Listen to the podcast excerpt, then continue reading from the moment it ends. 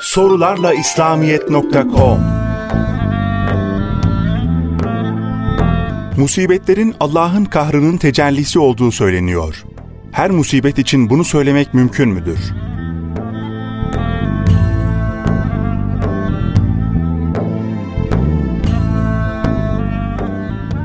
Değerli kardeşimiz, her musibet kahır değildir. Her musibeti, her hastalığı yahut her felaketi mutlaka bir kahır tecellisi olarak görmemek lazım.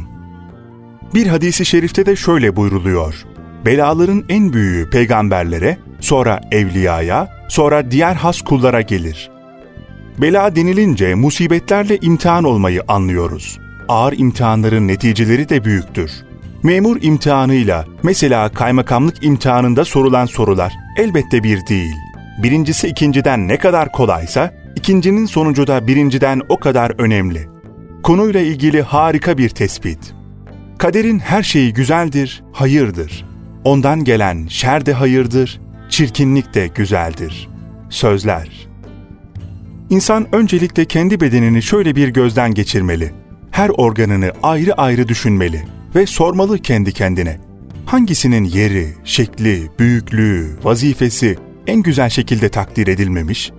Sonra kendi ruh dünyasına intikal etmeli ve aynı düşünceyi o alem içinde sürdürmeli. Hafıza mı gereksiz, hayal mi? Sevgi mi fazlalık, korku mu? Beden bütün organlarıyla bir bütün teşkil ettiği ve ancak o zaman fayda sağladığı gibi, ruh da bütün duyguları, hissiyatı ve latifeleriyle bir bütün. O da ancak böylece netice verebiliyor. İnsan ruhundan akıl ve hafızayı çekip alsanız hiçbir fonksiyon icra edemez olur. Endişe duygusunu alsanız tembelleşir, ne dünyasına çalışır ne ahiretine. Korkuyu çıkarsanız hayatını koruyamaz hale gelir. Sevgi hissi taşımasa hiçbir şeyden zevk alamaz. İşte insanın hem bedeni hem de ruhu en güzel ve en hikmetli bir şekilde tanzim edilmiş. Buna bedihi kader deniliyor. Aynı şekilde insanın bir ömür boyu başından geçen hadiselerde nizamlı ve intizamlı. Buna da manevi kader denilmekte. Bedihi kader manevi kaderden haber veriyor. Her ikisinin de her şeyi güzel. Elbette ki cüz'i iradeyle işlenen günahlar, isyanlar hariç. Manevi kaderin irademiz dışındaki tecellileri karşısında aciz bir kul olarak ne yapacağımızı şaşırdığımız, bocaladığımız zaman hemen bedihi kadere ve ondaki sonsuz hikmetlere nazar etmeliyiz. Mesela anne rahmindeki rahimane terbiyemizi hatırlamalıyız. O dönemde ilahi hikmet ve rahmet bizi en güzel şekilde terbiye ediyordu ve biz olanların hiçbirinin farkında değildik. Şimdi de aynı rahmetin başka cilveleriyle yaşıyoruz. Allah'a karşı hüsnü zan ibadettir hadisinden dersimizi tam alarak bizi o gün öylece besleyen, büyüten ve her şeyimizi en güzel şekilde tanzim eden Rabbimizin rahmetine itimat etmeliyiz. Karşılaştığımız her hadiseyi bir imtihan sorusu olarak değerlendirmeli ve nefsimizin hoşuna gitmeyen olaylarda da bir rahmet tecellisi aramalıyız. İnsan sadece nefsini ölçü aldı mı yanılır. Bir gencin nefsi okula gitmemek ve oyun oynamaktan yanadır. Ama akıl bunun karşısına çıkar istikbaldeki güzel makamları yahut çekeceği sıkıntıları gösterir, onu oyundan vazgeçirir. Demek ki nefis için güzel olan, akıl için güzel olmuyor. Kalpse apayrı bir alem. O imanla nurlanırsa, her şeyi ve her hadiseyi ilahi isimlerin birer tecellisi olarak görür. Allah'ın bütün isimleri güzel olduğu gibi, onların bütün cilveleri, bütün tecellileri de güzeldir gerçeğine ulaşır.'' Artık bu bahtiyar kul için çirkinlik diye bir şey kalmaz ortada. Kahrın da hoş, lütfun da hoş diyenler bu makama varmış bahtiyar insanlardır. Bu zatlar Allah onları sever, onlar da Allah'ı sırrına ermişlerdir. Nur külliyatında güzellik iki kısımda incelenir. Bizzat güzel ve neticeleri itibariyle güzel diye. Bu sınıflandırmaya bazı örnekler verebiliriz.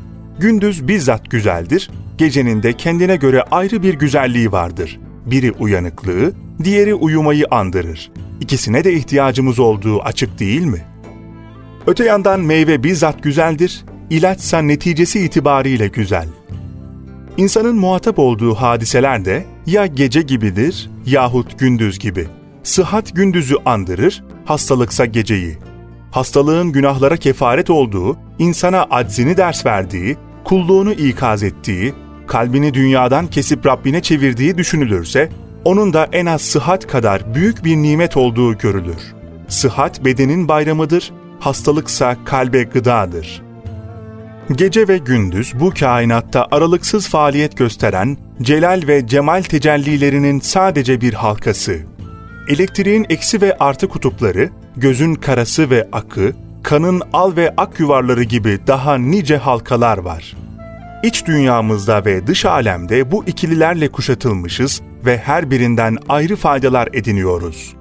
Konuyla yakından ilgili bir ayet-i kerimenin meali şöyledir. Olur ki siz bir şeyden hoşlanmazsınız. Halbuki o hakkınızda bir hayırdır. Ve olur ki bir şeyi seversiniz. Halbuki hakkınızda o bir şerdir. Bakara Suresi 216 Ayet-i kerime cihatla ilgili ama hükmü umumi ve bu ayetle bir başka ikili nazarımıza veriliyor. Harp ve sulh. Sulh yani barış gündüz gibidir. Herkesin hoşuna gider, harpse geceyi andırır. Ama gerektiğinde harp etmeyenlerin istikballeri kararır, nesilleri daimi bir zulmete boğulur. Cihatta şehit olanlarsa bir anda velayet makamına çıkarlar ve kaybettikleri dünya hayatı onların bu yeni hayatları yanında gece gibi kalır. Ölümden daha ileri bir musibet düşünülebilir mi?'' Ayet-i kerime, nefsin hoşlanmadığı bu olayın altında büyük hayırlar bulunduğunu haber vermekle, dünyanın diğer belaları, hastalıkları, felaketleri için bizlere büyük bir teselli vermiş olmuyor mu? Bir hadisi kutsi, rahmetim gazabımı geçti. Bu hadisi kutsiye şöyle bir mana verilmiştir. Her musibetin altında Allah'ın nice rahmet cilveleri vardır ki, o musibetin verdiği elemleri, acıları geçmiştir.'' Ebediyet yanında ömür bir an gibi de kalmıyor. Bu kısa hayatta başımıza gelen hastalıklar, belalar, sıkıntılar, ebedi hayatımız hakkında hayırlı oluyorsa ne gam. Sonsuza göre 70-80 yılın ne hükmü var?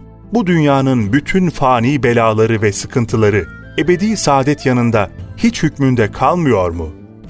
Ama insanın nefsi peşin zevkin talibidir. İstikbale nazar etmez. O saha akıl ve kalbe aittir. Az önce de değindiğimiz gibi her musibet mutlaka kahır değildir. Nefsimizin hoşuna gitmeyen ve fani dünyamızı karartan olaylar ya ilahi bir ikazdır, bizi yanlış yoldan geri çevirir veya günahlarımıza kefarettir, acımızı bu dünyada çektirir, ebedi aleme bırakmaz. Yahut insan kalbini geçici dünya hayatından Allah'a ve ahirete çevirmeye bir vasıtadır.'' Öte yandan musibetler insan için sabır imtihanıdır. Bu imtihanı kazanmanın mükafatı ise çok büyüktür. Son olarak bunlar ilahi bir tokat, bir kahırdır. Umumi musibetlerde bunların hepsinin de hissesi olabilir. Bir grup için kahır, bir başkası için ikaz, bir diğeri için günahlara kefaret. Münferit belalardaysa bize göre en selametli yol şu olsa gerek. Musibet kendi başımıza gelmişse nefsimizi suçlayalım, onu tövbeye sevk edelim. Başkalarına gelen bela ve afetleri ise onların terakkilerine vesile bilelim.